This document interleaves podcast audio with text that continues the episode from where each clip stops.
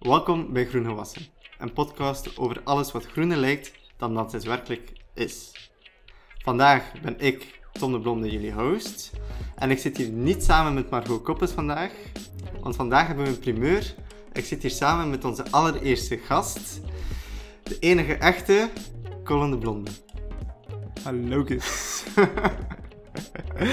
dus even uh, wat clarification misschien. Uh, Margot is er niet, dus hebben Colin op de podcast gevraagd. Het zat er ooit aan te komen dat we samen een keer iets gingen opnemen, maar het is gewoon veel vroeger dan gepland. Waarom is veel vroeger dan gepland? Wel, Margot is met de fiets naar de Mont Blanc aan het fietsen. om die dan ook nog een keer alle naar boven te klimmen. Dus uh, die is even weg. Dus in de meantime heb ik aan Colin gevraagd om een keer te passeren. Gelukkig heeft hij ja gezegd. Dus uh, Colin? Hoort het al, ik ben zogezegd uh, uitgenodigd als gast. maar eigenlijk durft Tom uh, niet alleen tegen zichzelf praten op de podcast. dus het um, was meer een must dan een invite. Maar toch bedankt Tom dat ik hier mocht zijn. we gaan er een leuke babbel van maken en ik voel me meer dan welkom. Ja, misschien moeten we beginnen met 30 seconds dat je jezelf kort voorstelt. En ja, what do you do? Yes, met veel plezier. Wel, ik ben dus Colin, broer van. Um, ik zie Tom aftellen op de klok. 30 second pitch, uh, let's go. Nee, ik ben dus uh, de broer van Tom. Uh, Tom heeft me niet enkel uitgenodigd vanavond omdat ik de broer ben. Het is niet weens een lange arm dat ik hier ben. Maar ook omdat ik een beetje een side project heb, dat ondertussen al tot een fulltime bezigheid ontplooid is. Dat is Dripple, een start-up dat we opgestart zijn om eigenlijk de frisdrankindustrie op zijn kop te zetten. Wat doen we effectief? We gaan eigenlijk de problematiek van wegwerpverpakkingen enerzijds, dus de alle frisdranken en andere smaakhoudende dranken enkel in plastic flesjes of wegwerpblik zijn uh, aan te kopen. Uh, en waar er ook uh, heel veel onnodig watertransport mee gepaard gaat. Dus elk frisdrank is eigenlijk groen water met een smaakje. Maar als gevolg dat, dat, dat er vrachtwagens rondrijden die tot 80% gevuld zijn met water. Wat een beetje bullshit is volgens ons. En dan ten derde maken we dat een stuk gezonder ook. En zo hebben we eigenlijk een verpakkingsvrije drankautomaat gemaakt. Waar je een drinkfles glas kan vullen met gezonde limonades, zoals een gemberlimoen, een vlierbloesem enzovoort. Dus vandaar, dat ben ik, Colin. Oké, ik had niet zoveel informatie verwacht, maar nice. Echt, Alsjeblieft. Een complete story. De mission statement moet er zijn, Tom. Ja, ja, je hebt eigenlijk al goed ingeleid, want vandaag gaan we het ook ah, echt... ik heb de inleiding af. Oké, oké, oké. Dan, ja, ik nee, het nee, woord nee, weer nee, terug nee, dat is goed. Vandaag gaan we het ook echt hebben over allee, een beetje een niche waar, allee, waarin dat je zit. Uh, meer specifiek gaan we het over een bepaald bedrijf hebben, omdat we daar heel veel informatie over kunnen terugvinden. We gaan het hebben over Coca-Cola, maar alles wat we eigenlijk nu gaan vertellen, dat kan eigenlijk even goed gaan over Pepsi, uh, of Nestlé, Nestlé of andere drankmerken eigenlijk. Dus vandaag hebben we het echt over de frisdrankindustrie en alles dat erbij hangt. Super interessant. Ja, voilà. We gaan deze podcast, deze aflevering aftrappen met een artikel dat ik vorige week gelezen heb. Namelijk dat de Ocean Cleanup Project een partnership aangaat met Coca-Cola. Ja. Nu, wat, wat doet de Ocean Cleanup? De Ocean Cleanup, hun missie is om de oceanen op te ruimen van plastic. Het is een bekende Nederlandse ondernemer, Bojan Slat, die als 17-jarige jongen eigenlijk met dat idee gekomen is. En dus sindsdien is hij al jarenlang bezig. Ongelooflijke parcours afgelegd. Ongelooflijk parcours afgelegd om eigenlijk op te kuisen. Ja. Zij zijn dus in partnership gegaan met Coca-Cola uh, om eigenlijk een interceptor-concept, om de rivieren op te kuisen, eigenlijk een grote push te geven en dat vooruit te laten gaan. Dus uh, ik wil hiermee beginnen, omdat dat um, mij vrij uh, leuk lijkt. En ook een keer te vragen aan jou van, wat vind je daarvan? Ja. Wel, ik heb het inderdaad ook zien passeren, zowel uh, het artikel als uh, op social media, uh, waar ik toch af en toe de rillingen van kreeg, omdat eigenlijk in een heel goed daglicht werd gesteld. waarbij dat ik me wel af en toe de vraag stelde of dat iedereen wel weet wat dat effectief betekent, wat dat ze aan het doen zijn. Um, en dat er ja, eigenlijk heel veel groen gewassen wordt. Dus uh, perfect van toepassing in deze podcast, denk ik. Ja, dan een beetje de, de gemiddelde mens dan uh, eigenlijk een post gaat zetten dat ze heel tevreden zijn dat een eh, grote naam zoals Coca-Cola eigenlijk een, eh, ja, toch een, eh, een goed doel, zoals de Ocean Cleanup, een, eh, een duw in de rug gaat geven. Zelfs een stevige duw in de rug, financieel gezien. Maar dat leidt ook wel een beetje van de kern van de zaak af, moet ik zeggen. Ehm, waarbij dat ze inderdaad wat ja, toch aan veinzen.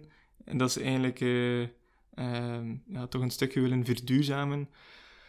Maar zijn daar ja, met, de, met de kraan open eigenlijk wel gaan dweilen, zeg maar. Ehm, aangezien dat alle plastic flesjes die juist in het water eh, terechtkomen, ja, dat de helft, de helft eh, zal misschien al zijn, dat is een strafstatement, maar een groot aandeel van de jongens van Coca-Cola zelf afkomstig zijn. Hè. Mhm. Ehm, dus het is een beetje naast de kwestie waarop dat ze op inspelen. Bon, heel goed voor de Ocean Cleanup dat dan, eh, dat dan duw in de rug krijgt. Maar ik zou het wel ehm, belangrijk vinden dat die kanttekening toch gemaakt wordt wanneer dat, dat gedeeld wordt. Ehm, want als je weet dat Coca-Cola het steunt, dan ook weet wat dat de impact is van Coca-Cola op de andere vlak. Dat ze eigenlijk zelf de oorzaak zijn van eh, de issue dat ze aan het oplossen zijn tussen Ja. acties. Ja, we gaan het ook hebben echt over wat dat Coca-Cola zelf doet. Ja. Eh, wat doen ze nu juist? Ehm, welke claims maken ze op vlak van duurzaamheid? We gaan een keer eh, kijken of dat, dat wij vinden of dat, dat groen wassen is, of dat dat eh, legit echt, echt een goede beweging is. Online zag ik bij de post dat Ocean Cleanup had, had gedeeld op Instagram, dat er inderdaad heel veel mensen tegen zijn van ja, dat het groen wassen is. Aan de andere kant ook mensen die zeggen van eh, ja, dat je niet zo mocht bashen op, op Coca-Cola en de partnership, omdat dat toch een stap in de goede richting is. En dat ja, een bedrijf niet in één keer kan veranderen. Mijn mening, eerlijk gezegd, ik ben volledig aan jouw kant. In die zin, als ik kijk naar de, de missie van de Ocean Cleanup, hun missie is uiteindelijk om de plastic uit de oceanen te halen. En zij willen zo kort mogelijk bestaan, omdat wanneer dat ze er niet meer moeten zijn, dan is er ook geen plastic meer in de oceaan. Coca-Cola hun missie is eerder om ja, zoveel mogelijk mensen te bereiken met drankjes. En de manier waarop dat ze dat, dat gaan doen, is ja, in, in heel veel plastic flesjes. Dus ik heb een, eh, een cijfer gevonden dat Coca-Cola ongeveer 1, eh, 100 miljard, sorry, 100 miljard flesjes produceert en dus vult en verkoopt per jaar. Dus dat is toch een aanzienlijk aantal. En dan Absoluut. lijkt mij eerder zo die actie, wat dat ze doen met de Ocean Cleanup, ja, een pleister voor het bloeden. Mhm. Ehm, waarbij dat je niet echt het probleem zelf gaat aanpakken van alle plas- plastic dat je produceert. Eh, plastic is, is een, een crazy goed middel, omdat het, het kan heel veel weerstaan en het gaat niet kapot. Maar tegelijkertijd is dat ook een gigantisch groot nadeel, want het gaat niet kapot. Mhm. Vroeger, allee, tot 100 jaar geleden eigenlijk, alles dat we hadden van verpakking of materiaal, ja, brak af in de natuur. En sinds 100 jaar is dat niet meer, niet meer het, het geval en dan krijg je inderdaad die problemen. Ja. Dus misschien goed om een keer te beginnen met, eh, met wat, eh, wat Coca-Cola doet. Ja. Dus eh, de grote frisdrankspelers, waaronder Coca-Cola, ehm, ja, ze zijn eigenlijk een beetje een, een, een holding, in bedrijfstermen te zeggen. Dus een overkoepelende orgaan voor heel veel verschillende merken. Dus Coca-Cola heeft niet enkel ehm, de- het merk Coca-Cola zelf onder zich, maar ook ja, merken zoals Sprite, Fanta, ehm, zelfs fruitsappen, eh, bepaalde kombucha's. Ehm, dus het gaat eigenlijk vrij ver. Ja, ook hebben- Fontaine, onder andere. hebben, Watermerken eh, zijn ze ook opgesprongen. Zijn. 5000 ehm, Ja. producten, waaronder dan allee, 500 merken. Dus elk product Mhm. heeft gemiddeld 10... Elk merk heeft ongeveer 10 producten. Ja. En dat is echt van eh, frisdrank naar sportdranken, eh, naar mijn favoriete fruitsap zelf. Innocent is van Coca-Cola. Ah, dat wist ik ook niet. Ja. Overgekocht dan, recent. ja, want ik heb dan een keer thuis gekeken in mijn frigo en er staat daar geen logo op van de Coca-Cola Company. Maar als je dan gaat kijken op Coca- Coca-Cola website, dan staat hij er wel tussen. Oké. Ah, dat is wel bijzonder, dat wist ik ook niet. Omdat Innocence is inderdaad een, eh, een vrij vooruitstrevend merk.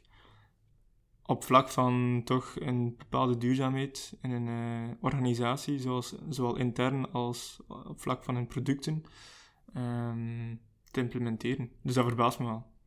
Misschien kunnen we daar inderdaad wat, wat dieper op, op ingaan, hoe dat Coca-Cola dan precies ja, werkt als bedrijf zelf. Dus Coca-Cola is daar een, eh, een, een uitzondering. Of een uitzondering is eh, niet per se, maar ze werken eigenlijk wel anders dan, dan de gemiddelde frisdrankproducent. Mhm. Niet dat er zoveel zijn. Ehm, maar de Coca-Cola Company is eigenlijk niet per se degene die flesjes gaat vullen en gaat verkopen. Coca-Cola bestaat eigenlijk twee, uit twee verschillende structuren. Dus je hebt enerzijds de Coca-Cola Company zelf, dus dat is het merk, degene die ook de rec- recepturen in bezit heeft van, van de Coca-Cola zelf. En de andere frisdranken, dan heb je eigenlijk alle bottling partners. Dus de bottling partners zijn eigenlijk de ja, officiële van, partners van Coca-Cola, die eigenlijk de, de basisgrondstoffen ontvangen, die eigenlijk het ja, niet enkele drank gaan produceren, maar ook gaan bottelen en gaan verkopen. Ja. Dus je moet eigenlijk de Coca-Cola Company meer zien als een financiële marketingstructuur, terwijl dat de bottling companies eigenlijk echt het operationeel zijn. Maar zij maken wel die, die siropen zelf. Ja, ja, inderdaad. Maar dus dat zijn wel twee totaal andere bedrijven. Die zijn volledig losgekoppeld van elkaar. Hebben ook geen aandeel in elkaar. Dus dat is eigenlijk wel vrij uitzonderlijk. eh, dat die zo, zo'n sterke samenwerking hebben. Maar ook heel vaak in de clinch liggen met elkaar. Omdat ze eigenlijk van beide een ander businessmodel hebben. Coca-Cola ja, werkt inderdaad op, op, het, op het verkopen van een merk. Werkt met licenties. Terwijl dat de bottling partners, zij verkopen effectief gebottelde flesjes, gebottelde blikjes. Waardoor dat voor de bottlingspartners eigenlijk een verpakkingsvrije alternatief, dat dat veel moeilijker is, omdat ze eigenlijk echt een marges halen op wat dat ze verkopen in flesjes.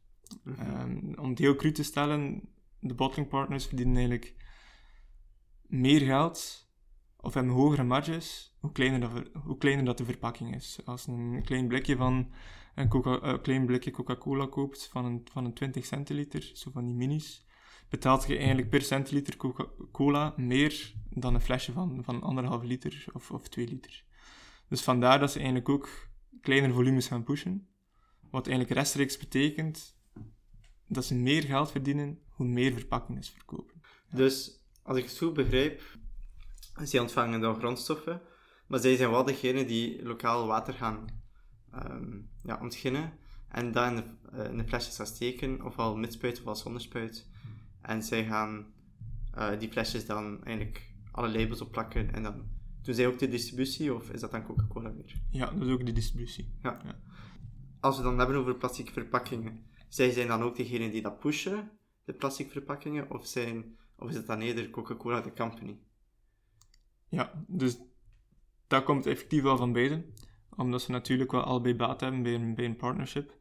Ehm, maar het is wel zo dat de meeste innovaties dan van de Coca-Cola Company eigenlijk komen dan van de bottling partners.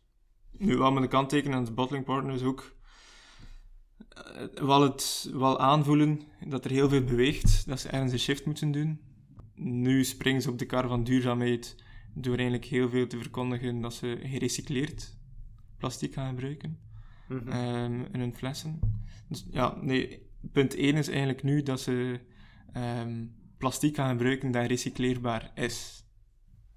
Wat dat eigenlijk zelfs een, een basisnorm zou moeten zijn voor elk materiaal. Is claim nummer 1. We gaan zorgen dat onze pla- plastic flesjes recycleerbaar zijn. Ja. Punt 2, wat eigenlijk, ja, als je dat een claim moet noemen, en dat een voordeel van, van een plastic flesje, dat laat ik dan gerust in het midden. En een tweede aspect is nu dat ze claimen ehm, dat ze eigenlijk zoveel mogelijk gerecycleerd plastic in hun, in eh, flesjes gaan gebruiken. Dus nu z- zeggen ze bijvoorbeeld in 2025 willen 50% van onze Coca-Cola flesjes uit gerecycleerd plastic gebruiken. Waardoor dat eigenlijk de gemiddelde consument dan gaat denken, ah bon, geen probleem, als ik een flesje toch wegsmijt, gaat dat nu Coca-Cola flesje worden. Mhm. Maar daar zijn eigenlijk 74 gaten in terug te vinden, zeg maar. Dat is echt een, eh, echt een zeef gewoon. Ja, ja, ja, dus op alle vlakken. Hè.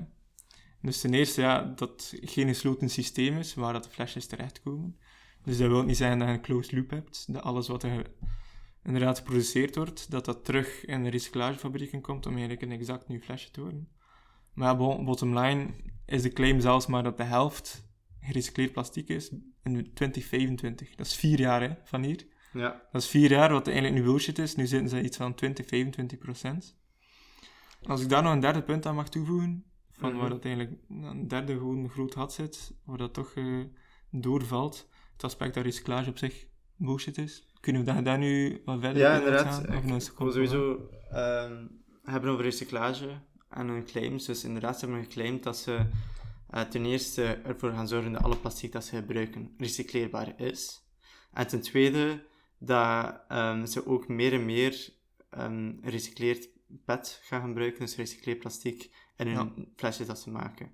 En dat zijn inderdaad een van de twee claims dat we ze gaan bekijken en dat we dan eigenlijk gaan oordelen of dat greenwashing is of niet. Oké, cool. Je hebt al een zware kleur bekend ondertussen. en dan, eh, Mag ik ook even een statement tussendoor zijn over Coca-Cola als een bedrijf? go ahead.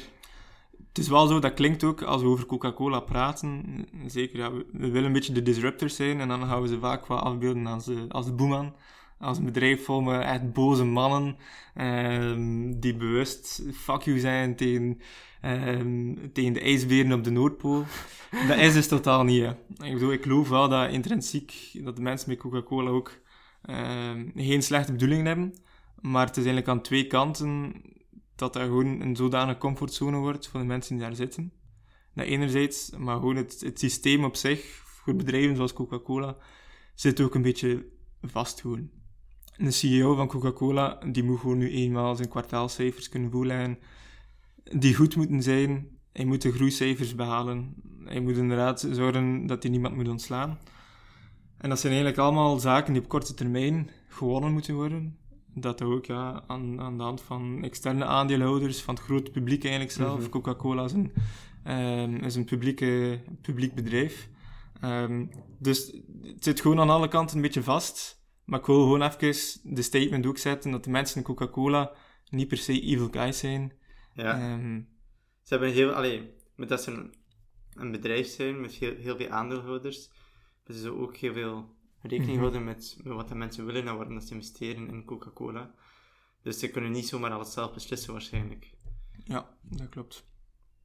Alright. Dat was eh, hetgeen dat je erin wou smijten. Dat was mijn statement. Dat was het statement. Hebben we alles gehad over hoe dat Coca-Cola werkt? Ze, Ik denk het wel, een grote ja. lijnen. Een grote lijnen, dat is goed. Dan gaan we beginnen met de eerste duurzame claim dat Coca-Cola maakt. En als we het nu hebben over Coca-Cola, dan hebben we het over Coca-Cola, de company. Dus niet de bottelarijen, maar effectief de, de mannen met de geheime formule wat er in Coca-Cola zit. Ja, oké. De eerste claim is hun claim omtrent World Without Waste. Mhm. Dus tegen 2030 willen ze eigenlijk voor elk flesje dat ze produceren en verkopen, willen ze eentje verwerkt hebben, dus opgehaald of hervuld. En dat is een World Without Waste concept, als in van alles dat wij eigenlijk uit de wereld in de wereld sturen, komt terug in. Ja. En dat is wel gebaseerd op plastic verpakking. En in hun ogen heeft plastic verpakking een waarde, eh, en genoeg waarde, dus die petverpakking, om gerecycleerd te worden, ehm, zodat dat ook rendabel is voor andere partijen die dat doen. Mhm. Jij hebt daar eigenlijk al even iets over gezegd, van het recyclagesysteem. Mhm. Ehm, En misschien even, ehm, ze zeggen dat ze een, f- alle flesjes of willen inzamelen of willen hervullen. Wat Ja. bedoelen ze met hervullen dan? Dus waarschijnlijk, een, een, ze hebben een plastic flesje gebruikt, Ja. waarin dat hun product zit. En dat plastic flesje, in plaats van dat weg te gooien, dat dat een keer hervuld is. En dan telt dat ook mee als iets dat gerecycleerd is. Dus Oké, dat is duidelijk. Ja. Hoe, misschien ook goed om te zeggen van hoe dat, dat gebeurt. Natuurlijk, als je iets produceert, in het geval van Coca-Cola, je maakt een flesje, van zodra dat aan de winkelrekken ligt, heb je daar geen controle meer over wat er ermee gebeurt. Als iemand dat koopt, je kunt moeilijk, er zit daar geen chip in dat je gaat tracen waar je flesje zich bevindt. Ja. Dus zij gaan inderdaad dan acties gaan ondersteunen, infrastructuur gaan ondersteunen voor recyclage en voor ophaling van Mhm. afval. Maar laten we duidelijk zijn dat het grootste deel door de overheden gefinancierd wordt en dat Coca-Cola een beetje charity-gewijs gaat meehelpen op de kar Ja. springen. Ze betalen een euro om een huis mee te bouwen. Ja, en dus we gaan eigenlijk theoretisch gaan zeggen van ah, we hebben dat project ondersteund, dat project gaat zoveel plastic flesjes verhinderen dat dat in ons milieu terechtkomt en dus ophalen. Dus dat is zoveel miljoen flesjes Mhm. dat wij hebben opgehaald. Ja. Dat is wat de gedachtegang erachter. Is het groenwassen of niet? Absoluut. Absoluut. Love the confidence. Ja, eh, dus dat is een beetje waarvan dat we vertrokken zijn, denk ik, met, met het eerste statement van Ja. Coca-Cola en de Ocean Cleanup. Dat ze, ja, is een, een waterdruppel op een, op een kokende plaat. Het, het maakt uiteindelijk bottom line niks uit. En het is echt een heel klein beetje, allee, een, een, een klein stukje input dat zij geven om het probleem op te lossen, tussen haakjes. Want recyclage is niet het probleem. Maar inderdaad, in hun visie het probleem op te lossen. En dat gaan ze dan ongelooflijk gaan uitvergroten en zijn van... En ook laten overkomen dat ze dat ook overal doen. En met man en macht eigenlijk aan het, aan het proberen zijn om het boeltje dat zij ver- zelf veroorzaken eh, op te kuisen. Dus Ja. in dat wijze denk ik dat dat eh, bewust marketing is ehm, met een groene ondertoon die helemaal niet zo groen is. Mhm. Ik wil het echt een keer specifiek ook hebben over de recyclageindustrie zelf. Want hun systeem werkt enkel als het recyclagesysteem kan werken. Ja. Maar vooral dat ik dat doe, wil ik even misschien een keer nuanceren hoe, hoe dat Coca-Cola tot zijn plastieke verpakking is gekomen. Mhm. Dus vroeger, in, in eh, 1930 bijvoorbeeld, waren dat glazen flesjes. En Ja. als je een glazen flesje kocht in Amerika, kostte dat 5 cent. Toen was alles echt eh, nog spotgoedkoop.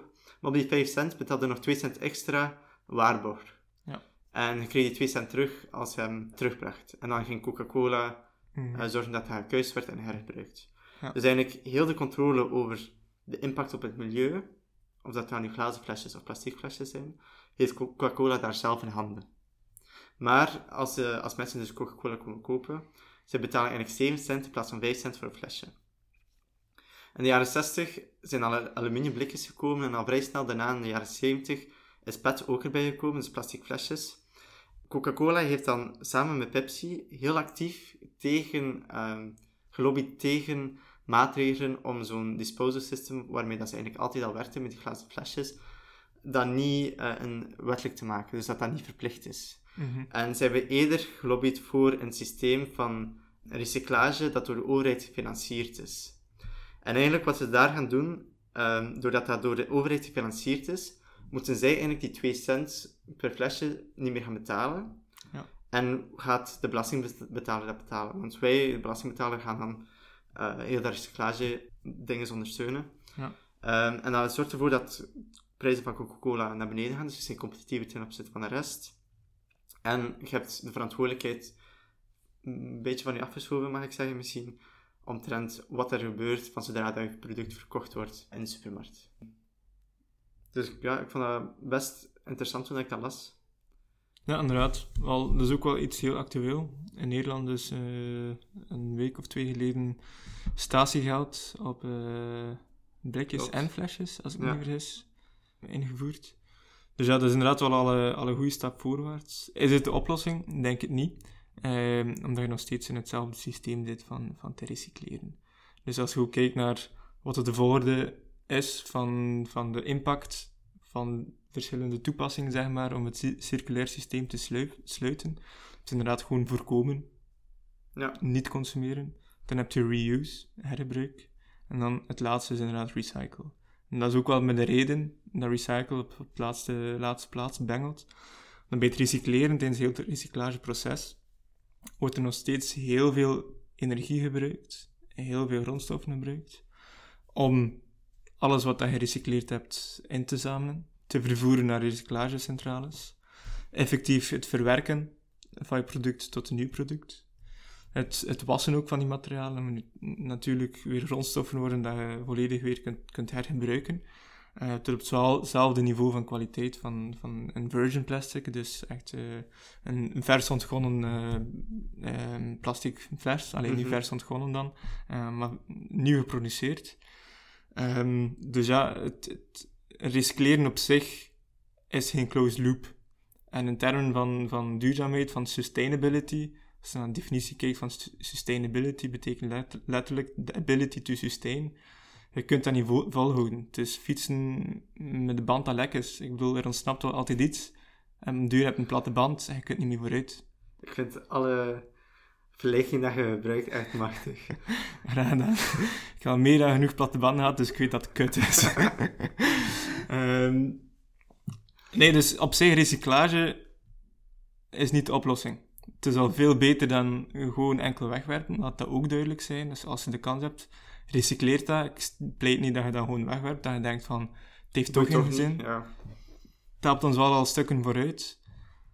Maar naast dat recyclage op zich geen oplossing is, is het zo dat de infrastructuur nu om eigenlijk te kunnen recycleren, dat die gewoon niet voldoende is.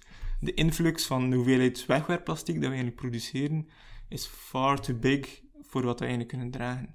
Ja. Dus om even te illustreren, alles wat dan nu ingezameld wordt, wat in jouw, plast- in jouw PMD-zak wordt gegooid, maar de helft, maar 50% wordt effectief tot een, tot een product gerecycleerd van, van hetzelfde niveau. Het plastic flesje dat je in de vulbak gooit, dat je echt bewust in je PMD, in je blauwe zak steekt, maar de helft van die flesjes worden eigenlijk effectief een nieuwe grondstof, ehm, terwijl dat andere eigenlijk gedowncycled worden, is de term. En downcyclen is eigenlijk vrij, ja, ook om, om cru, te zeggen, cru te zeggen, dat wordt dan bijvoorbeeld een, een picknickbank. Maar je kunt ook geen 10.000 picknickbanken zetten in het park van Gent. nee, dus dat, dat zijn twee problematieken. Alleen rond re- recyclage op zich, dat recyclage op zich niet de oplossing is. En dat gewoon geen eh, infrastructuur dat er niet is. En het is inderdaad zo, wie, wie betaalt om, om te recycleren, dat is uiteindelijk om het wat socialistisch dan te zeggen, de kleine man. Ik weet wel niet hoe groot dat aandeel is. Is dat 1 euro, is dat 2 be- euro dat je betaalt eh, per maand om een recyclagepark te financieren? Het zit voornamelijk in de vuilzakken die 15 euro het stuk, eh, stuk kosten, denk ik. Ehm, maar bon, you get the picture. Ja, dingen waarop dat ik graag zou inpikken, ehm, is één, de recyclage-industrie is een leaky bucket. Mooi gezegd, maar er, er zijn verschillende lekken en misschien moeten we een keer die lekken identificeren. Brakke fiets, echt een keer goed bekeken. Die brakke fiets een keer goed bekijken. En dan het, een, een tweede zaak dat je zei is... Wat even vergeten. Bo, we gaan eerst kijken naar de recyclage-industrie als leaky bucket. Ja. We mogen niet vergeten dat de recyclage-industrie niet een magic place is. Het is niet dat er daar dingen toekomen en dat er allemaal mensen zijn met een goed hart die eh, alles gaan recycleren tot een nieuwe grondstof en dat gratis gaan verkopen aan bedrijven om terug te gebruiken. Mhm. Eens dat het gerecycleerd is en terug ehm, fijn gemalen is tot kleine bolletjes eigenlijk, Pallets, ja. pellets, dan heeft dat een prijs. Alles, je hebt al gezegd, dat heeft een prijs, alle stappen dat het moet doormaken. Ehm, en dat moet concurrentieel zijn met virgin plastics. En momenteel, plastic maken is spotgoedkoop. Dus ja, je hebt, je eigenlijk gemaakt een product dat vrij duur is. En dus bedrijven, als ze moeten kiezen tussen grondstoffen, is het wel makkelijker om de goedkoopste grondstof te kiezen. Nog een reden waarom dat er leaky bucket is, is we hebben onze PMD-zak. Mhm. Ten eerste, niet alles dat verkocht wordt, belandt in die PMD-zak. Ja. Alles dat in de PMD-zak belandt, hè, die gaat dan naar eh, onze recyclagefabriekje. En daarin gaat eigenlijk al het plastic gesorteerd worden volgens zijn fracties. Mhm. Dus je ziet, op, als je een plastic flesje bij je hebt, of iets in plastic, je moet een keer omdraaien nu. En van onder ga je eigenlijk een recycleertekentje zien, wat dat wel niks te maken heeft met recyclage trouwens, met een cijfer in. En dus de cijfer wil aanduiden welk soort plastic dat is. Dus volgens die cijfers wordt dan verdeeld eigenlijk. En bepaalde cijfers hebben heel veel waarde. Petflessen en eh, bijvoorbeeld die melkkarton Mhm. die hebben eh, veel waarde. Ehm, je hebt plastics die een beetje waarde hebben, en je hebt plastics die echt gewoon niks van waarde hebben. Eh een plastic zakje dat je vroeger bij de winkel kreeg bijvoorbeeld, je kunt er niks mee aanvangen. En dus ehm, hetgeen dat geen waarde heeft, in het beste geval wordt dat verbrand, of wordt dat verscheept naar een groeiland. Vroeger was dat China, nu is dat meer eh, Zuidoost-Azië, en in de toekomst is dat misschien Afrika. Hetgeen dat een beetje waarde heeft, kan intern geprocessed worden. Maar omdat vaak in een westers land of in een noordelijk land zijn de kosten daarvoor heel duur. Lonen zijn super hoog, dus die gaan ze vaak ook gaan verschepen naar het buitenland. We gaan praten waarom dat verscheept wordt naar het buitenland zo direct. En dan het hoge waarde, die kan inderdaad gerecycleerd worden, maar dat moet nog steeds concurrentieel zijn. En heel dat proces, zoals hij zegt, 50% wordt gerecycleerd. Ja, heel dat sorteringsproces is niet ideaal, dus er zijn altijd verliezen. En niet elke recyclagepark kan de capaciteiten aan dat jij zei. En we spreken nu enkel nog over westerse landen. Je moet je denken, landen in Afrika, die hebben helemaal geen zo'n recyclagesysteem. Dus daar introduceert je eigenlijk een plastic verpakking die in het beste geval verbrand wordt. Ja. Of uh, op een afvalberg belandt en dus noods nog een keer naar China kan verscheept worden. Mag ik er even een, een strafcijfer tussendoor smeten? Ja, Ik heb daar straks eh, ehm, de statement gezet dat er bij ons dus 50% van plastic eigenlijk gerecycleerd wordt op hetzelfde niveau. Wereldwijd 6%. Dus dat is echt triest. dat is echt dat triestig is echt heel triest. En waar gebruiken we het meest plastic? Is dat echt zo in Europese landen naar Amerika? Of is dat wel gelijk verspreid over de hele wereld? Dat is een goede vraag, daar kan ik niet op antwoorden. Want het kan zo even goed zijn dat wij hier 50% recycleren. En dat, dat wij echt het grootste deel van plastic gebruiken ook. Hè. Ja. Ja, nee, dat kan goed zijn. Ja, we zijn inderdaad een klein aandeel. Hè. Ik wil die Food for thought. research. Yes. Um, misschien nog uitleggen waarom dat wij plastic verschepen naar andere landen. Ik vind dat een super raar concept. Mhm. Als je plastic geen waarde heeft, kunt er eigenlijk niks mee doen en blijft dat gewoon op een afvalberg liggen in een westers land. In het beste geval kunt je dat verschepen dus naar een ander land. En waarom gaan zij dat aannemen? Omdat zij vaak keihard aan het groeien zijn en ze hebben nood aan grondstoffen. Dus zij gaan grondstoffen kopen aan ja, eender welke prijs bijna. Maar door dat in hun land eigenlijk te gaan sorteren en ehm, terug te verwerken, ligt die loonkost ook veel lager. En is dat, gaat eigenlijk een soort armoede-economie ter plaatse creëren van mensen die laag betaald worden, die lange dagen hebben om eigenlijk uw land te, te kunnen laten groeien. En dus vroeger was dat China die heel veel plastic inkocht, Ehm, maar dat zorgde voor heel veel problemen, omdat de bedrijven die het verwerkten, ja, al het plastic dat ze niet nodig hadden, die lozen ze gewoon in het milieu.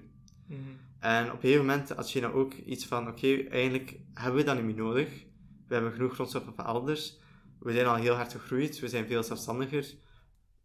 Hier moet er niet meer zijn voor ons. Mhm. En dan zaten we opeens met een heel groot probleem van, oei, heel ons recyclagesysteem stort nu in, ineen, want eigenlijk alles dat je verzamelt, heeft geen, ge- heeft geen destinatie om naartoe te gaan. En eh, dan zou je beginnen verschepen naar eh, Zuidoost-Azië. Probleem letterlijk verlegd. Voilà. En dus als dat, als dat vol is, dan, dan gaan we naar Afrika. Ja. Hoogstwaarschijnlijk. Wij zijn in Vietnam geweest, hè. Mhm. Je zag het gewoon, hè. Al het plastic overal. Ja, voilà, dus daar is ook eh, heel belangrijk om te weten ook dat er essentiële cultuurverschillen zijn. Hè. Wij, zijn wij, wij behoren tot de beste van de wereld, hè, qua recyclage. Ehm, als we zelfs niet de toppers zijn. In andere landen, zoals we gezien hebben in, in Vietnam, dat is heel raar, maar daar wordt er echt op een totaal andere manier mee omgegaan, met wat dat waste is, met wat dat plastic is ook. Dus we, we hebben daar, dat is een random verhaal, gaan we nu op dit moment niet dieper op ingaan. Maar we zaten op een gegeven moment op een, op een vissersboot, op een grote vissersboot, vlak voordat er eh, een tyfoon aankwam. Eh, we, waren daar, eh, we kregen van die plaatselijke shrimps aangeboden die daar opgevist waren. Dat was ook totaal naast de kwestie, ik zal eruit eh, to the point komen, Je sorry. bent gewoon echt aan wel lekkere shrimps, van lekkere Ja, shrimps. echt aan het genieten van het moment. Nee, maar wat heel zot was, is dat zij leven eigenlijk op, ja, op de zee. Dat was in Halong Bay, eh, dus tussen de eilanden door daar. Ehm, dat is eigenlijk ja, hun eigen eh, een boterham waar dus op varen, waar dus op leven. Ehm, waarmee dat ze een boterham verdienen, liever, niet hun boterham. Ehm, en toch, als ze iets van afval hebben, smeten ze dat straight in de zee. Ja.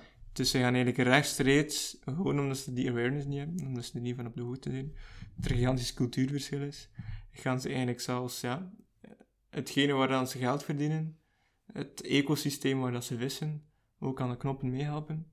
Maar gewoon, ja, they don't know.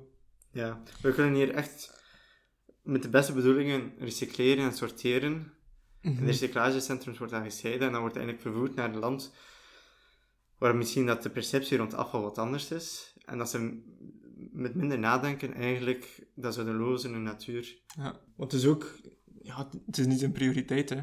Dat is ook een onderwerp op zich, dat eigenlijk duurzaamheid is ook ergens een luxegoed, hè. Ik bedoel, als je, ja, als je moet vissen om te overleven, ja, dan ga je, bezig zijn met vis te vangen. En ga je echt absoluut niet bezig zijn met eh, een PMD-zak aan boord te halen en, en alle plastic dat je, dat hebt erin te, te verzamelen. Nu, er zijn ook wereldwijd nu meer en meer incentives om dat wel te doen. Zeker bij ons um, is daar een enorme shift in ontstaan. Um, maar bon, ja, ik bedoel, een ding op zich. Een ding op zich.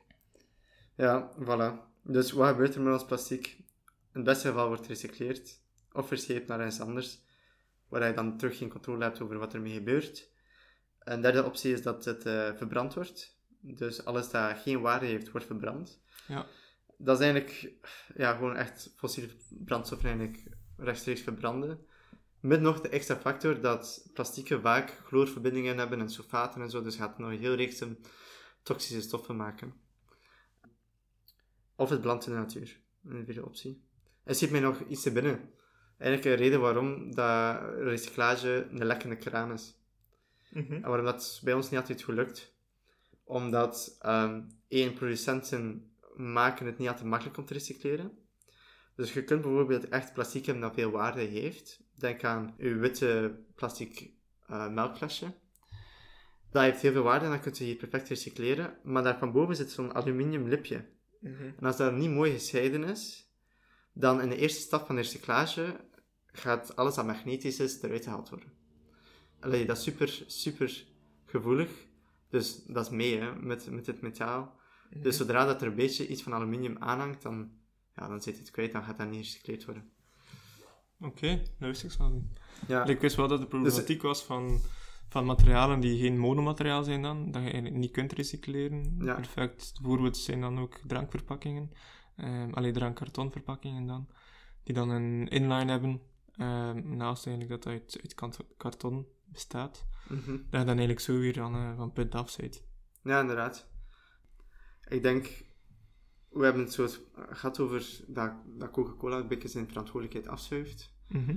Ik denk dat nog producenten, allee, je, je legt de verantwoordelijkheid bij de recyclage, bij de, bij de mensen zelf om Ja. ehm, te recycleren. Maar je moet ook, ik denk dat ze misschien daar niet van bewust zijn, hoe dat het recyclageproces verloopt en hoe dat je product of je verpakking moet designen om het makkelijk te laten recycleren.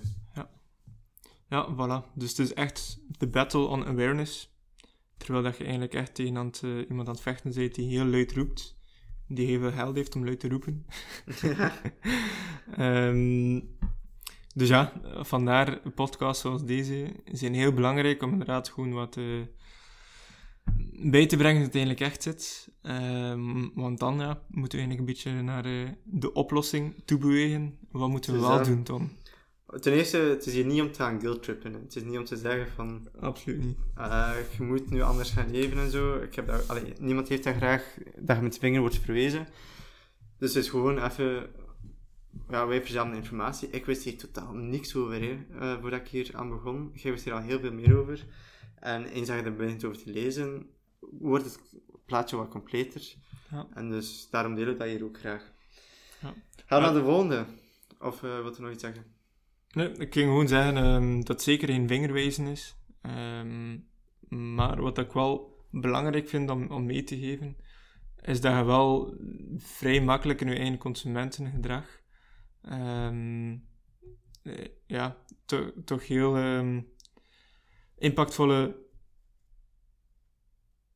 Ik ben helemaal kwijt wat ik ging zeggen. Ja, ik wil waarschijnlijk wat te zeggen dat als consument elke euro dat je hebt, is eigenlijk een stem dat je hebt om te kiezen waarvoor, wat voor wereld dat je gaat. Dus als je een Coca-Cola flesje koopt, dan kies je ervoor om dat businessmodel en hun manier van werken te ondersteunen. Yes. Dat, dat is wat hij wil zeggen. Ik zal zeggen ja. Maar, eh, is, is, is dat wat hij wil zeggen? Waarschijnlijk wel. Eh, ik wil de vraag stellen dan van, hebben wij als consument ook altijd de keuze? Mhm. als ik, als ik frisdrank wil, oké, ik kan water uit de kraan nemen, maar bon, ik kan niet altijd water uit de kraan drinken. Soms wil ik een keer cola drinken. Absoluut. En, En ja, drink die wil- cola hè, af en toe. Hebben we geen keuze, hebben we een keuze voor een alternatief? Dan, dus eigenlijk kun je stemmen met, met die euro dat je hebt, om zo te zeggen. Ja. Wel, vlak van frisdranken is het heel moeilijk. daarvoor uh, daarvoor zijn jullie. is drippel in het leven geblazen geweest. Uh, om inderdaad daar een alternatief tegenover te kunnen zetten. Hè. Want het is wel een, een heel complexe problematiek en ook een complexe oplossing dat je er tegenover moet zetten. Dus als je een volledige refill kan uitgaan, dat je inderdaad geen, geen wegwerp hebt, dat je met een één drinkfles of gewoon in een glas kunt je lekkere frisdrank kan, um, kan gaan tappen of kan gaan vullen.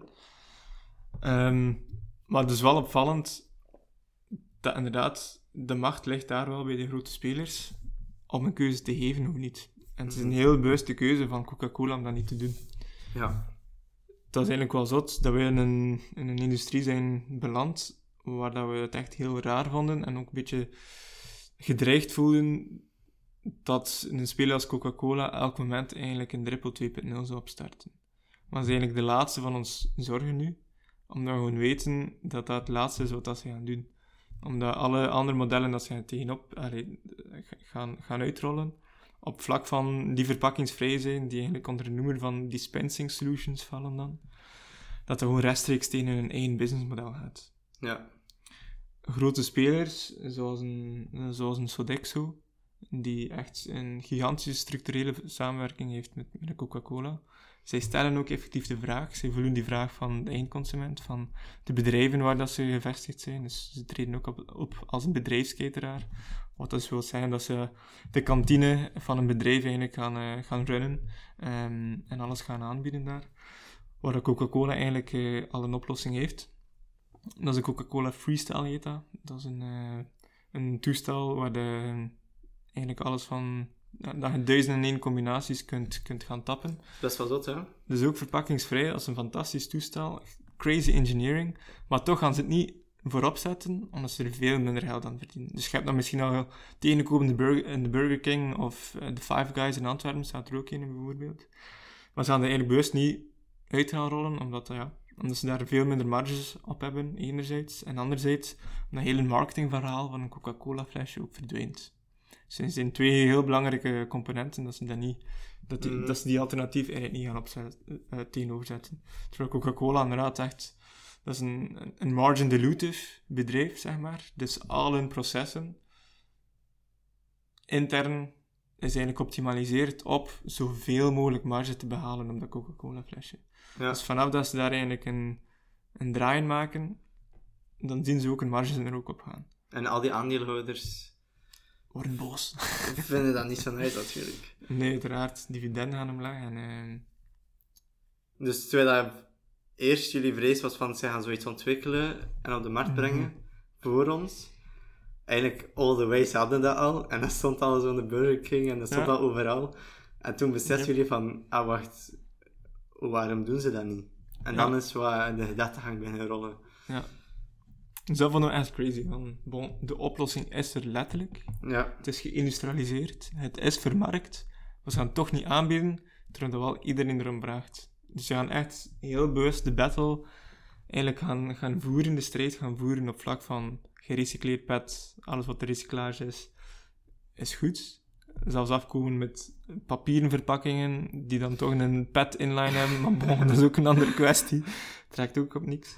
Um, dus vandaar bleven ze eigenlijk een beetje, beetje vanaf. Um, dus ja, opvallend, op zijn minst. Dan uh, denk ik dat het uh, tijd is voor naar de tweede stelling te gaan. Oké, okay, ben benieuwd. Je weet het eigenlijk al. Ze hebben dus enerzijds een World Without Waste, onze eerste stelling, maar ten tweede mm -hmm. willen ze naar um, ehm, 30% gerecycleerd uh, pet gebruiken in hun flesjes tegen 2025. En dan tegen 2030 een nog hoger getal. Nu, misschien moet je nadenken van, is dat, ondanks dat ze plastic gebruiken, is dat een goede zaak dat ze recycleerd plastic gaan gebruiken? En is dat ook niet gewoon groenwassen om meer te kunnen verkopen, om mensen geen schuldgevoel te geven als ze een flesje kopen? Wat denk je? Ah, ik denk het wel, hè. Ik denk dat we daar inderdaad uh, daar straks wat dieper op zijn ingegaan. Um, ja, dat ten eerste niet de oplossing is. En ten tweede dat echt een, uh, een beetje de mindset uh, manipuleren is mm -hmm. uh, van de consument om een, ja, een, geen schuldgevoel te geven. Ja, En dat is eigenlijk eh, met hetzelfde model eigenlijk zo lang mogelijk eh, kunnen eh, doorzetten, terwijl dat absoluut niet sustainable is. Als ik advocaat van duivel mag spelen, Please do. gewoon, ik probeer bij iemand zijn oog te plaatsen. Door gerecycleerd plastic te gebruiken, ga je minder olie ge- allee, gebruiken om nieuw plastic te maken. Dus je gaat dat minder ondersteunen, ten eerste. Ehm, en ten tweede ga je toch een markt creëren voor gerecycleerd plastic ook. Allee, nieuw plastic, virgin plastics, is vrij Mhm. goedkoop en gerecycleerd plastic is duur. Dus dat is toch een goede geste dat Coca-Cola doet om eigenlijk dure plastic korreltjes te gaan kopen voor hun flesjes, om eigenlijk daar een markt voor te creëren. Ehm, ja. Dus in termen van dat de consument eigenlijk minder slecht doet dan dat het zou doen zonder gerecycleerd. Ja, je Plastic. zou kunnen zeggen, dat is toch een stap vooruit. Dat is een stap vooruit. Ik ga daar akkoord, maar is de oplossing dan niet? Het is Ja. een tijdelijke stap vooruit. Allee, het, is, het, is, het was ongelooflijk slecht, nu is het een stukje beter, maar daarom is het nog niet goed. Ja, Ehm ja, klopt hè. Ik bedoel, voornamelijk in termen van, van een kleiner milieu-impact. Heeft gerecycleerd plastic dan bottom line wel eh, ehm, een kleiner impact dan, dan virgin plastics, dan enkel daarop te werken. ja. Interessant. Maar Misschien daar kan je daar ook wel over verder uitbreiden, dat niet enkel het probleem zich daar stelt, of leg van wegwerpplastic. Ik weet het, het is een podcast over eh, wegwerpplastic en single use. Ehm, maar alle andere componenten spelen daar ook een, een heel grote, grote rol in, naar impact toe. Dat is inderdaad heel erg focussen op, op dat de plastic verpakkingen eigenlijk voor de helft gerecycleerd, uit gerecycleerde plastic gaat bestaan. Eh, maar dan vergeet je eigenlijk heel de problematiek van, van het water vervoeren. Mhm. Dat eigenlijk gewoon, ja, letterlijk een tiende of meer zelfs, of minder zelfs, eh, smaak is, tegenover dat de rest gewoon, gewoon water is, die ook eh, noodloos getransporteerd wordt, maar ook op de manier dat ze eigenlijk gaan sourcen. Dus de, de ingrediënten en materialen die ze eigenlijk gaan ontginnen, dat absoluut ook niet duurzaam gebeurt. Ehm, dus ja, op, op plastic, allee, op, de, op het verpakkingaspect op zich, is het alle klein stap vooruit, maar op alle andere vlakken is het eigenlijk ter plaatse blijven trappen. Mhm. Los van dat eh, een plastic model ondersteunt, dan vind ik ook dat met van die claims te verkopen, dat je eerder mensen een goed gevoel gaan aanpraten dan dat, dat je echt een impact hebben. Voilà. Ook omdat je maakt die claim, maar je, je doet het nog niet. Mhm. Dus dat is pas voor binnen x aantal jaar, waardoor dat mensen nu al het gevoel gaan hebben van we're alright, we moeten, we moeten geen alarmbellen afgaan. Ja. En dan, dat, dat is voor mij ook groenwassen. Zeker als je dat niet rapporteert, en dat doen ze dan ook niet, of moeilijk, van hoe ver staat u nu al? Dus ze hadden doelstellingen voor 2020, eh, dat was iets van 20%. Achteraf gebleken was hoogstens 6% uiteindelijk gehaald. Mhm. En Ja. dat komt, allee, als je vraagt achter redenen, eh, er zijn journalisten die daar dan achter vragen. Eh, Coca-Cola heeft hele vage antwoorden, omdat het eigenlijk waarschijnlijk zelf niet goed weet hoe dat, dat komt. Ja. Dat is groenwassen in mijn ogen, omdat je heel boeltje gaat vertragen. Terwijl dat je weet, allee, we weten wat er misschien nodig is qua concept. Maar doordat je van alle claims gaat rondstrooien, ga je eigenlijk ja, heel de dingen vertragen. Omdat Mhm. mensen dan op al die dingen gaan focussen en niet echt gaan focussen op hetgeen dat misschien moet gebeuren. Ja, exact. En het is ook een heel groot stuk confirmation bias. Hè. Dus ze, ze hoe- spelen In welke zin? ehm, van gebruiker uit uit. Mhm. Van gebruiker uit. Dus dat ze wel echt op inspelen van hoe meer dat je het hoort, hoe meer dat je dient om, of hoe meer dat je er effectief in gaat geloven. Maar mensen willen het ook geloven. Mensen hebben nu een lekkere fles Mm. Coca-Cola voor handen, dat ze graag drinken, dat super easy is om, om te gaan halen in de winkel, dat ja, spotgoedkoop gekocht kan worden.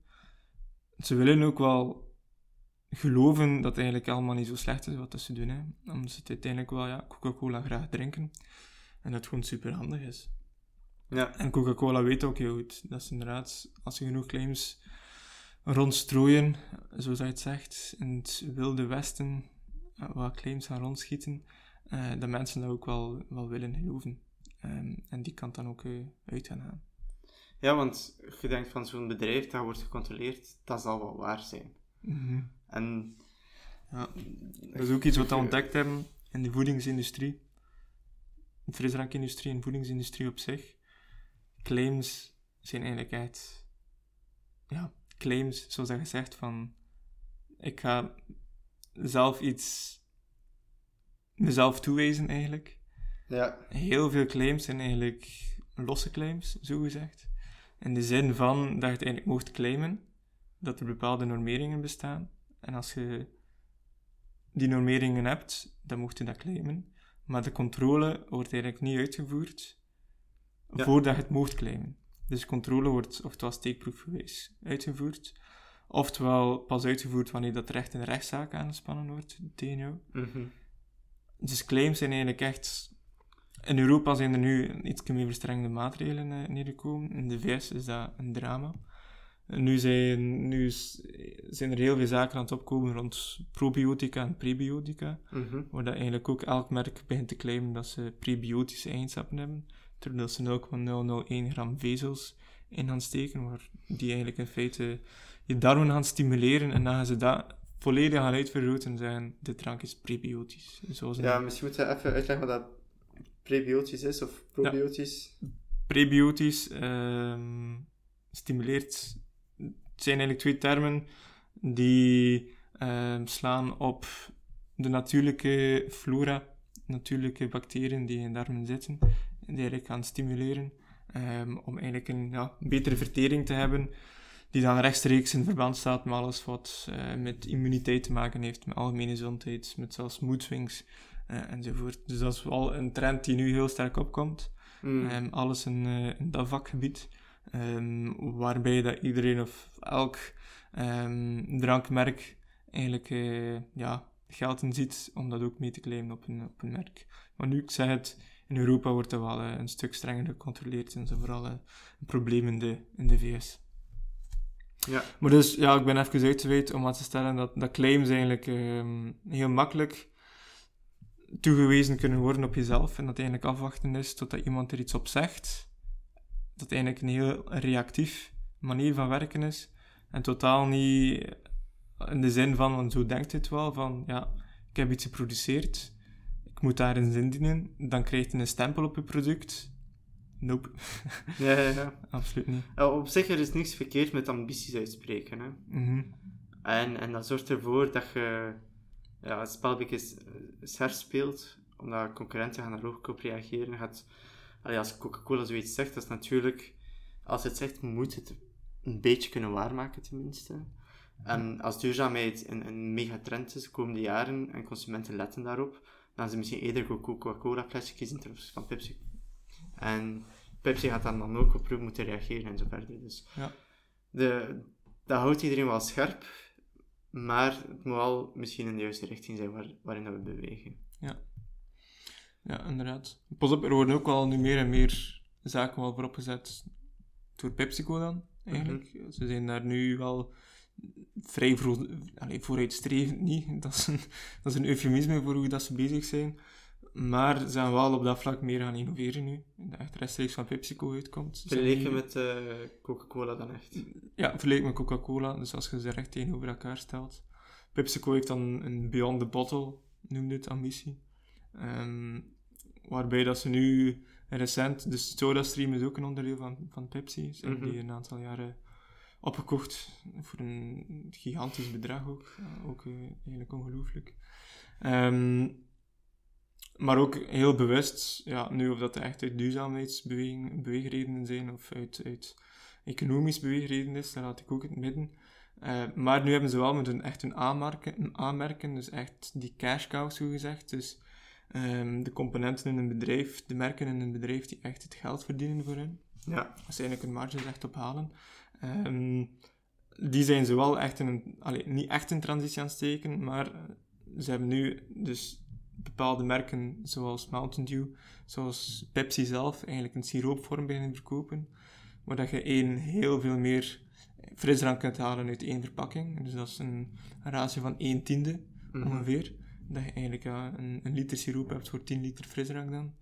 Ehm, ja, wat eigenlijk ook al recht tegen een eigen model indruist, dat ze minder marges op hebben. Maar ze zijn het nu wel aan het, aan het, aan het uitrollen. Dus dat zijn wel al hier en daar positieve tekens, ehm, dat er wel ehm, heel bewust mee omgaan worden. Maar ook omdat ze ergens weten, dus voor een PepsiCo is dat wat makkelijker, ehm, om ja, daar toch een verandering in te brengen, omdat ze niet number one Coke zijn. Ja. Dus ze hebben eigenlijk een minder goede positie dan Coca-Cola. Dus zij gaan daar eigenlijk bewust ja, op andere vlakken wel verdienmodellen gaan Dus zoeken. eigenlijk is Pepsi... Eigenlijk, vroeger dacht je dat Coca-Cola hier de grootste concurrent was, maar all along, het was Pepsi. Uiteindelijk wel. Alright. ehm, we gaan overgaan naar, de, naar het laatste claim. Waterverbruik. Dus Coca-Cola verbruikt heel veel water. En als ik goed begrijp, zijn het eigenlijk de bottelarijen die de waterverbruik gaan doen. Ehm, dus Coca-Cola heeft gigantisch veel partnerships met heel veel bottelarijen. Ik denk dat er 400 al zijn, verspreid over de hele wereld.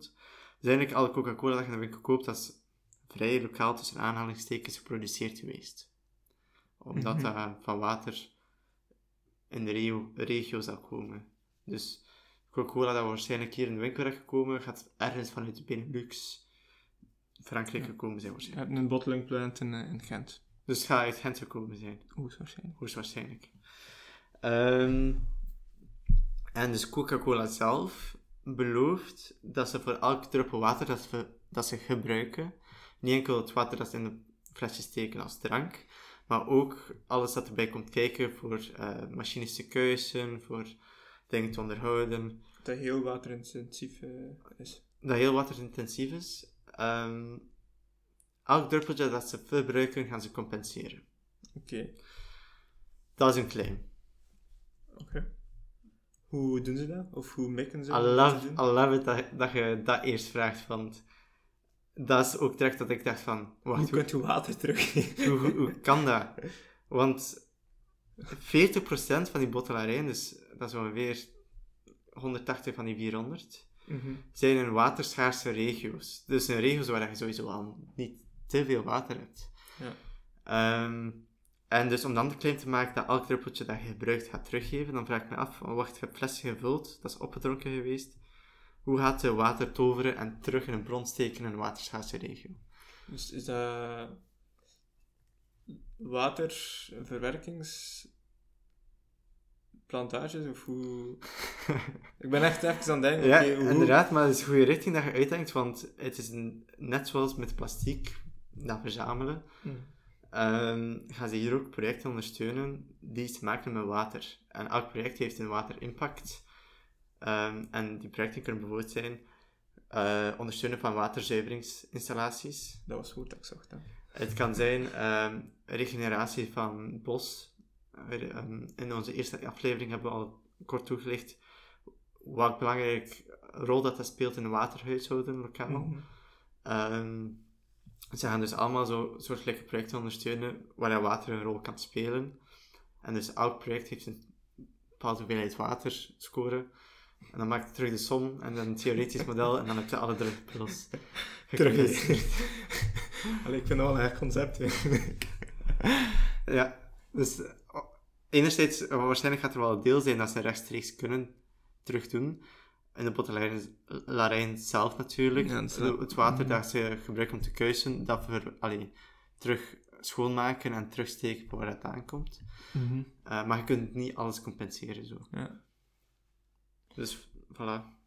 Ja, crazy. Oh ja, dus weer een beetje op een, een theoretisch model, zoals hij dat straks eigenlijk aangaf, dat ze gaan werken, dat ze dan zo gezegd via bepaalde bewegingen water gaan, gaan uitsparen of, of, of water gaan eh, eh, kunnen recupereren.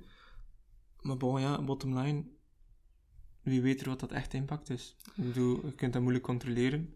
Dus Ze hebben een, een artikel of drie gestaan waar dat ze claimen dat ze drie verschillende VZW steunen, die inderdaad eh, in waterschaarse gebieden een goede impact hebben. Maar bon, ja, wat wil dat zeggen? Zeker een formule geven en wetenschappelijke paper schrijven dat door een zelf gesponsord is. But who Want op knows zich- wat dat echt... eh, Op zich is. weten weet je niet echt goed wat dat de echte impact is. Je moet dat monitoren over de jaren heen. Dat is de truc, hè, van groenwassen. Fluffy zijn. Just be as fluffy as een knuffelbeer. en raakt ermee weg. Ja, ja, en ehm, laat dat nu net zijn wat, dat, wat dat Coca-Cola... Als ik aan Coca-Cola denk, dan denk ik echt aan kenwoorden als happiness of smile of Ja. ehm, echt een heel gelukkig gevoel. Ehm, en ze zijn daar ook gewoon kei goed in om dat te marketen naar ons. Als ik naar het wereldbekerkampioenschap voetbal kijk en tussendoor komt er reclame van Coca-Cola bij, dat hoort daar gewoon bij. Dat is het gevoel dat erbij hoort. Mhm. Ehm, dus ze hebben een gigantisch luide stem, zoals dat je zei, om dingen te roepen naar u. Ja. Maar ik heb cijfers gevonden over het budget dat effectief naar van die projecten gaan. En aan partnerships, zoals met de Ocean Cleanup. De verhouding tussen marketingbudget is wel een stuk... Allee, het is een groot verschil. Ik denk dat het iets van 100 miljoen was, in totaal dat we naar projecten gaan en naar partnerships. Mhm. Dus ja, iets van 10 miljard aan een marketingbudget. Was de, weet je jaarlijks omzet van, eh, van Coca-Cola? Ja, ja, ja. De jaarlijks omzet van Coca-Cola is echt gigantisch veel. Oh, ik wist het. Ik had dit gisteren nog opgezocht, omdat ik... ik eh, het is Ik mij dacht- even aan het ontgaan. Ik dacht dat het een 200 miljard was. Ja, het, die- was, het was in die range althans. Ja, ja, ja.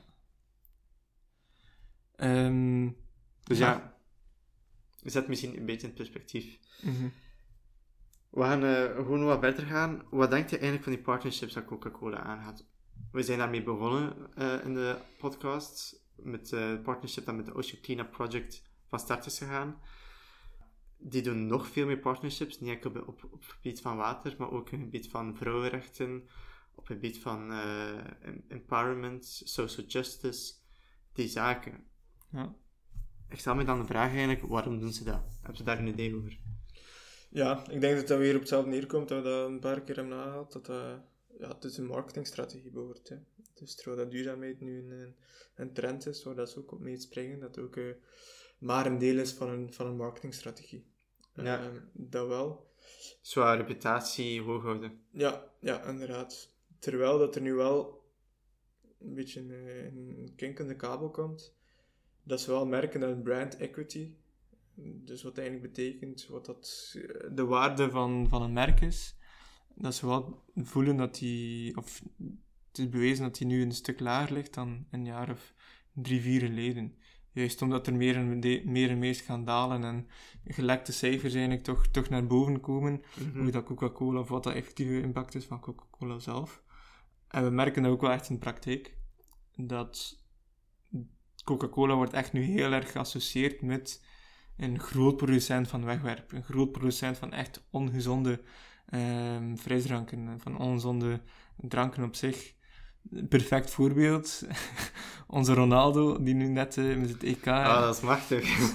Ah, I love it, man. ik heb gejuicht met de doelpunten van België, maar ik heb meer gejuicht toen Ronaldo dat deed. Ehm, nee, dus dat bewijst wel dat de perceptie een stuk aan het shiften is. Maar bon, ik ben ook wel heel biased daarin. Het is ook wel nog steeds aan 90% van de mensen dat dat nog steeds geen hol kan schelen. Allee, dat is ook wel heel kort door de bocht.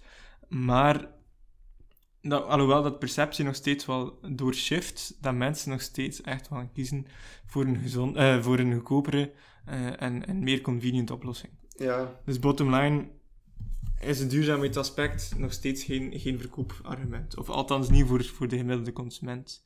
Voor een klein deeltje, dat is 5 à 10 procent van, van de bevolking, die zich meer als een eco-warrior zo opstellen, die inderdaad meer geld wil betalen of meer moeite wil doen voor een duurzamer alternatief. Terwijl de rest gaat ook wel bij awareness blijft plakken. Als ze inderdaad op de hoogte zijn van wat Coca-Cola eh, effectieve allemaal aan het uitsteken is. De sloemers. dat is goed. ah, de sloemers. Ja, en we bekijken het allemaal echt door een westerse bril. Voilà, voilà. Je denkt echt van, wat dat wij hier zien in onze wereld, in mijn omgeving, dit is hoe dat overal ter wereld is. En wij hebben onze referentiekader. Ik bedoel, wij Wij zijn groene ja. jongens uiteindelijk wel, met een vrienden en familie die ook wel vrij groen zijn. Dus je denkt, ach ja, het verbetert wel allemaal. Maar ja, dan krijg je harde cijfers voor de neus geschoven en dan beseft je plots van, ah, huh? Ja, er nog en zoveel dat- Coca-Cola dronken. Wie drinkt er nog Coca-Cola? ja, ik. Ja. Eh, Tom, ga je even naar buiten gaan? Ik denk dat we iets te regelen hebben. Eh, ja, het, het is, ik vind dat best gek. En daarom is het ook nice om te reizen soms. Dan, Ja. dan zie je echt... Dan wordt je referentiekader echt uitgedaagd. Ja. Crazy. Voilà. Ehm, ik heb gehoord, reputatie, belangrijk daarom. eh, die partnerships, ook een beetje compensatie voor wat een negatieve impact is. Eh, en de derde reden dat ik zou denken is dat meer en meer, bijvoorbeeld water, dat de klimaatrisico ook een bedrijfsrisico vormt. Die bottelarijen die hebben dat water nodig. En als er enkel vervuild water is, of er is geen er is niet genoeg water, waardoor dat de lokale boeren bijvoorbeeld, of lokale gemeenschap geen water kunnen gebruiken, omdat Coca-Cola het merendeel nodig heeft. Ja. Ja, dan gaat er natuurlijk minder kunnen produceren en gaat je omzet ook gaan dalen. Dus het klimaatrisico, de waterschaarste, wordt effectief een financiële risico. Ja. Fun fact, eigenlijk minder fun, maar momenteel in Californië is er gigantische droogte aan de gang. En er is een heel grote petitie eigenlijk om Nestlé stil te leggen momenteel, daar die lokaal water gaat oppompen. Omdat iedereen is aan het rantsoeneren op water, behalve zij. Ja. Hoe kan dat? Wordt de vraag gesteld. Dus ik denk dat daarom ook dat meer, meer en meer wordt gekeken om, om die compensatie te doen. Ja, absoluut. Ja, dat klopt. Hè. Er zijn ook heel veel bedrijven die, die op biologisch nu gaan, eh, gaan omschakelen. Dus het sourcen van hun ingrediënten, dus het ontginnen ehm, van, hun, van hun ingrediënten, ze dat nu biologisch gaan doen. Meer uit beweegreden als ze plots beseffen, ah fuck, ik, heb hier gewoon geen ik heb hier gewoon geen plek meer om inderdaad mijn, mijn cola-noten, zeg maar, in het geval van Coca-Cola, te gaan, eh, te gaan produceren en te gaan verbouwen. Dus ze zijn inderdaad op een meer regeneratief proces overgestapt. Een proces dat meer respect heeft voor de natuur. Hebben er per ongeluk een certificaat, bij van spreken, bij gekregen dat het inderdaad biologisch is, in dat geval. Met echt als key beweegreden. Dat ze inderdaad die ingrediënten ook nog steeds nodig hebben. Ja. Dat, het is eindig. En ergens wordt, allee, komt het besef ook bij die bedrijven door dat ze, dat ze niet oneindig op de manier dat ze nu bezig zijn eh, kunnen doordragen. Yes. We hebben echt goed zitten bashen. Dus voor Maar- duidelijkheid, guys, Coca-Cola maakt ons niet kapot en zo. we zijn nog steeds jullie beste vrienden. Eh, nee, maar het klinkt inderdaad alsof dat we echt heel vingerwijzend zijn. Dus het is daardoor wel de eerste... Ik vind het heel belangrijk om te wijzen op de problematiek. We hebben heel veel, ook Coca-Cola als een brand, ja. Bovengehaald in deze podcast. Maar het is ook wel belangrijk om te wijzen dat dat eigenlijk het, het voorbeeld is voor alle spelers, voor alle conglomeraten die als, als Coca-Cola eigenlijk gaan, gaan opereren. Ehm, maar dat ik wel het heel belangrijk vind dat we echt meer een shift gaan aanhouden van, van sustainable empowerment, eigenlijk benoemen. Dat we het wel echt anders kunnen doen. En dat we eigenlijk met ongelooflijk veel hoesting het anders moeten doen. En dat vingerwijzen niet veel gaat helpen. Maar het begint wel dat je moet weten wat je moet doen.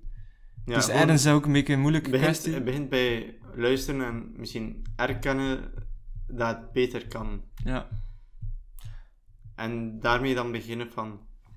Oké, stapgewijs, je moet niet alles in één keer overhoop gooien, maar wat, wat zijn de quick wins bij mij thuis dat ik kan doen? Mhm. Ja. Dus voel je ook niet schuldig om af en toe een cola te drinken. Dat mag nog altijd. Thanks. Thanks. Uh, let's have a look at the alternatives. We hebben dus... Ja, because Yes, zeggen wat dat er slecht is. Hoe moet het dan wel? Moeten we teruggaan naar glazen flessen? Zoals dat in 1930 was. Is dat haalbaar? Is dat praktisch? Is dat financieel? Allee, zou Coca-Cola doen vanuit een financiële overweging? I don't know. Ik denk dat dat twee nee's zijn. Ehm, dat glas geen oplossing is. Ehm, glas lijkt veel duurzamer. Dat heeft een, een duurzaam laagje gekregen, dat alles wat aan glas is en terug gerecupereerd wordt en uitgewassen wordt en hergebruikt wordt.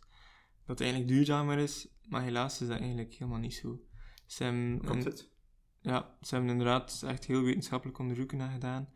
Van zelfs single-use plastic, de virgin plastics, dus echt zonder gerecycleerd plastic, tegenover glazen flessen gezet. En eigenlijk kwamen de plastics beter aan uit. Puur omdat plastic blijft een materiaal zoals dat je zelf aangehaald hebt. Dat heeft fantastische, fantastische eigenschappen. Waarbij dat een heel licht materiaal is en dat glas ongelooflijk zwaar is. Dus het vervoeren van glas heeft een enorm gewicht op eigenlijk het, de impact van eigenlijk glas te gaan gebruiken in een, in een ook zelfs een circulair systeem. Dat glas produceren ook een grotere milieu-impact heeft, of een grote uitstoot heeft op vlak van broeikasgassen I, dan plastics. I would differ on that, on that Sure. statement. En je zou een glazen fles dus 17 keer moeten hergebruiken om een plastic flesje te, te compenseren of beter te zijn. Oké. En ik denk dat 17 een haalbaar getal is, gemiddeld vernomen. 17 een haalbaar getal is. Dat betekent dat 17 keer een flesje Ja, gebruikt wordt, goed terugkomt, niet kapot gaat onderweg, goed verzameld wordt, terugkomt, weer gevuld wordt, maal ja 17. maar het mag kapot gaan na vijf keer, maar als er een andere keer, als er een ander flesje dat 25 keer meegaat, dan is het oké. Allee, snap je? Gemiddeld vernomen wil ik zeggen. Ja. Leek me difficiel. Allee, kan. Let's try it out. Dat is fijn uit. Voor mij is het eerder vanuit het praktisch oogpunt dat het misschien wat lastiger is. Mhm. Plastic is wel echt zwaar. Ik doe veel boodschappen met de fiets. Glas bedoel je? Ah, ja, ja, inderdaad, glas. Mhm. Dus als ik 2 liters wil gaan halen, ja, ga ik beter met de auto gaan om mijn boodschappen te doen dan, Ja. dan iets anders. Mhm. En als ze alles verpakkingsvrij zou moeten doen, dan heb ik ook terug weer een auto nodig om met allemaal glazen bokaaltjes en de dingen dat ik terug ga brengen. En ik heb geen auto. dus praktisch lijkt het me misschien wel lastig. Mhm. En vanuit een financieel standpunt denk ik ook niet dat Coca-Cola daar terug naar zal grijpen, net omdat ze dan een duurder product hebben moeten verkopen. Inderdaad. Maar moeten we dan overschakelen naar aluminium bijvoorbeeld? Aluminium is al beter dan, dan plastic. Ja, aluminium wordt keihard gerecycleerd. Ja. Het is heel makkelijk te recycleren ook. Mhm. En eh, ik denk dat ongeveer 99% van alle aluminium gerecycleerd wordt. Ja. Het heeft ook heel veel waarde om te recycleren, net omdat aluminium heel moeilijk te ontginnen is. Mhm. Yes, sure. Dus aluminium is al een hele stap voorwaarts in het recyclageproces. Maar bottom line, gaat er ja, verder met de fiets geraken als alles aluminium is, dan dat alles wegwerpplastic is. Maar gaat ook niet voor altijd kunnen fietsen. Ja, Dus dat is wel een belangrijke kanttekening. Dat er heel veel geclaimd wordt ook rond, van in de koffiewereld ook, aluminiumcapsules, no problem, volledig gerecycleerd, 100% gerec- gerecycleerde materialen. Maar dat heeft telkens ook wel een impact. ja. Ja, en, en je blijft nog steeds met een heel intensieve ontginning van aluminium. Mhm. En dat mocht je niet vergeten in de vergelijking. Ja. Of dat recycleren, het popt me nu terug weer iets te binnen. Ik kan er echt blijven over, over praten, maar... Maar guys, recyclen, hè? Recycle. Recyclen. je, je hebt het gezegd van dat materiaal wordt downgrade. Bij aluminium is dat minder het geval, dus je Ja. kunt langer eigenlijk recycleren. heel goed one-on-one One-on-one. hetzelfde Ja. blikje eigenlijk gaan maken. Bij plastic is dat dus niet het geval. Ja. Je kunt dat een paar keer doen, maar je eigenschappen gaan zodanig veranderen dat je dan inderdaad dat plastic gaat gebruiken om misschien kleren mee te maken. Ja. Of iets anders. En die kleren, eens dat dat gedragen is geweest, gaat dat dan matrasvulling worden. En eens dat een matrasvulling is, heeft het eigenlijk geen, geen destination meer. En dan gaat dat eigenlijk gewoon discard worden. Dus Wel een fun fact. Het grootste probleem met plastic recycleren is dat, ze, dat het eigenlijk een negatief eigenschap krijgt. Dat gaat stinken. Heel veel recycled plastics allee, hebben gewoon een geur. Wat dat in de voedingsindustrie, ja, er zijn blijkbaar alle- het allerlaatste wat voorwaarden in de voedingsindustrie om voilà. gerecycleerd plastic te hebben. Ja, Omdat, ja, dat moet eigenlijk ook echt keigoed gekuist worden. yes, dat moet absoluut goed gekuist worden. En het is door ja, de, het proces zelf, waardoor dat eigenlijk een geur krijgt. Eh, dus ja, of dat stinkt, dat is natuurlijk subjectief. maar ik heb een keer zo gerabbeld in, in, een, in een zak van, uh, van, van die gerecycleerde plastic korrels. En ik vond toch dat dat stonk. Maar bon. side note. ja, side note. um, nee, wou ik even doorsmijten. Maar dus aluminium inderdaad uh, beter recycleerbaar. Um, dus wanneer dat kan, is, is aluminium beter dan, dan wegwerpplastic. Ja. Um, maar bottom line, again guys, recycleren is, is nummer drie. Um, nummer één is minder consumeren. Nummer twee is uh, hergebruiken. Uh, dus laten we die kanten uit gaan. Alright, alright. Um, ja, aluminium, het nice aan plastic flesje wel is, dat je een topslotje hebt, of je herbruikbare fles dan, ja. Je kunt dat dicht doen. Als ik 33 centiliter cola koop, dan moet ik dat opdrinken, opdrinken want de spuit gaat er anders uit zijn. Ik kan ook zo niet in mijn zak steken of zo voor later. Mm Dus dat is ook wel niet zo praktisch. Nee. Um, je hebt inderdaad ook al gezegd dat Coca-Cola aan het experimenteren is met, met papier als verpakking. dat is echt een, echt een, een goede mop. Um, ja, wat denk je?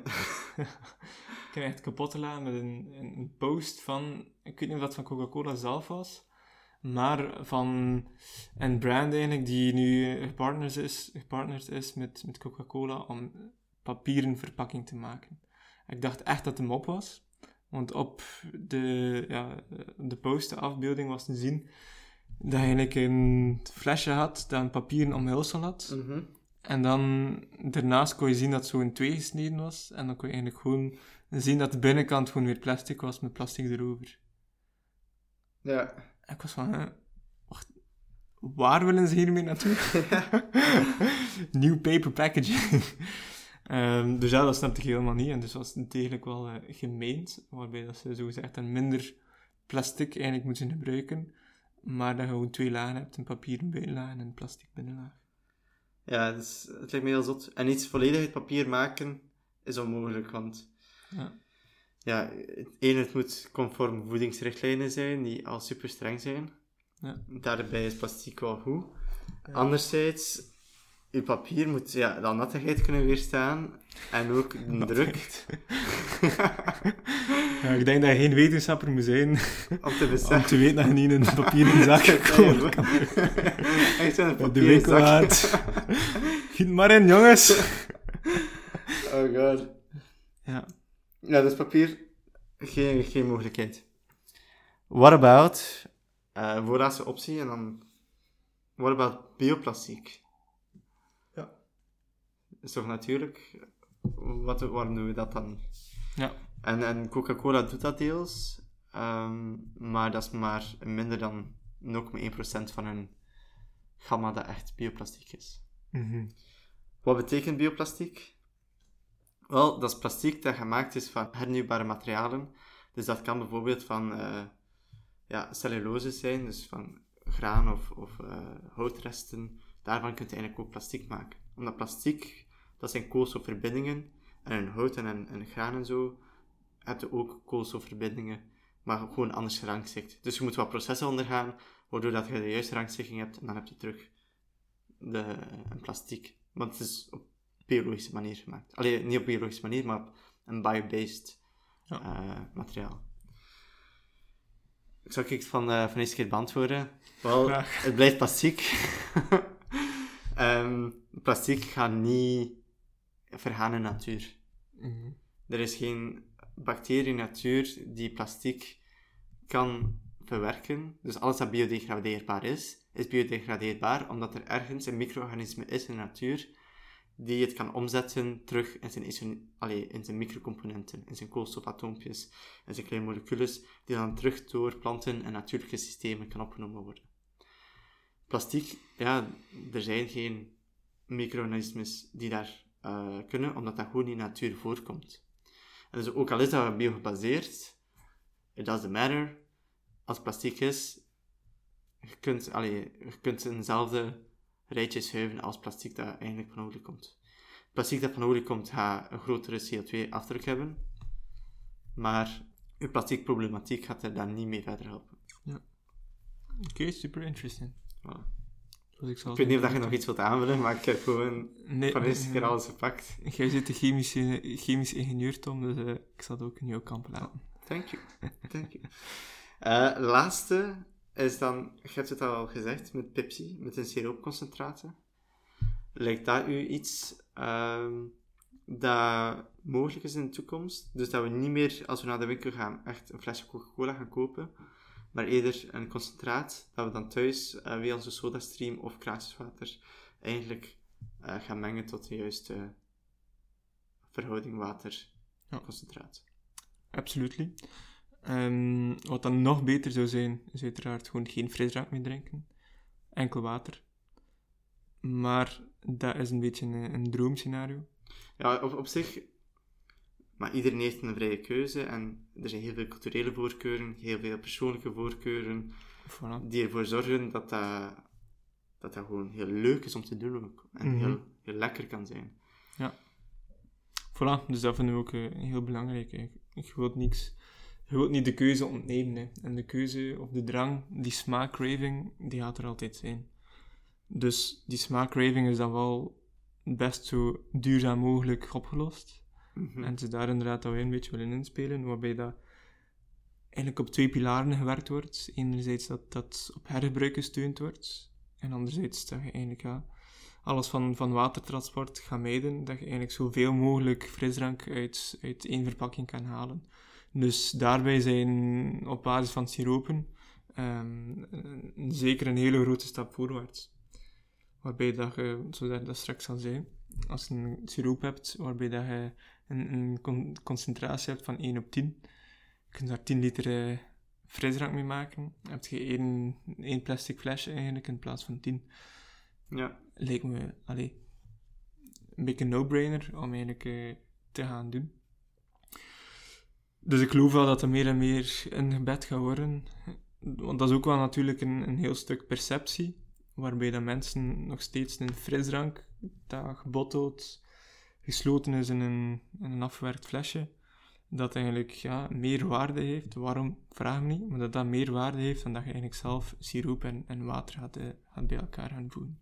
Terwijl het wel tien keer duurzamer is.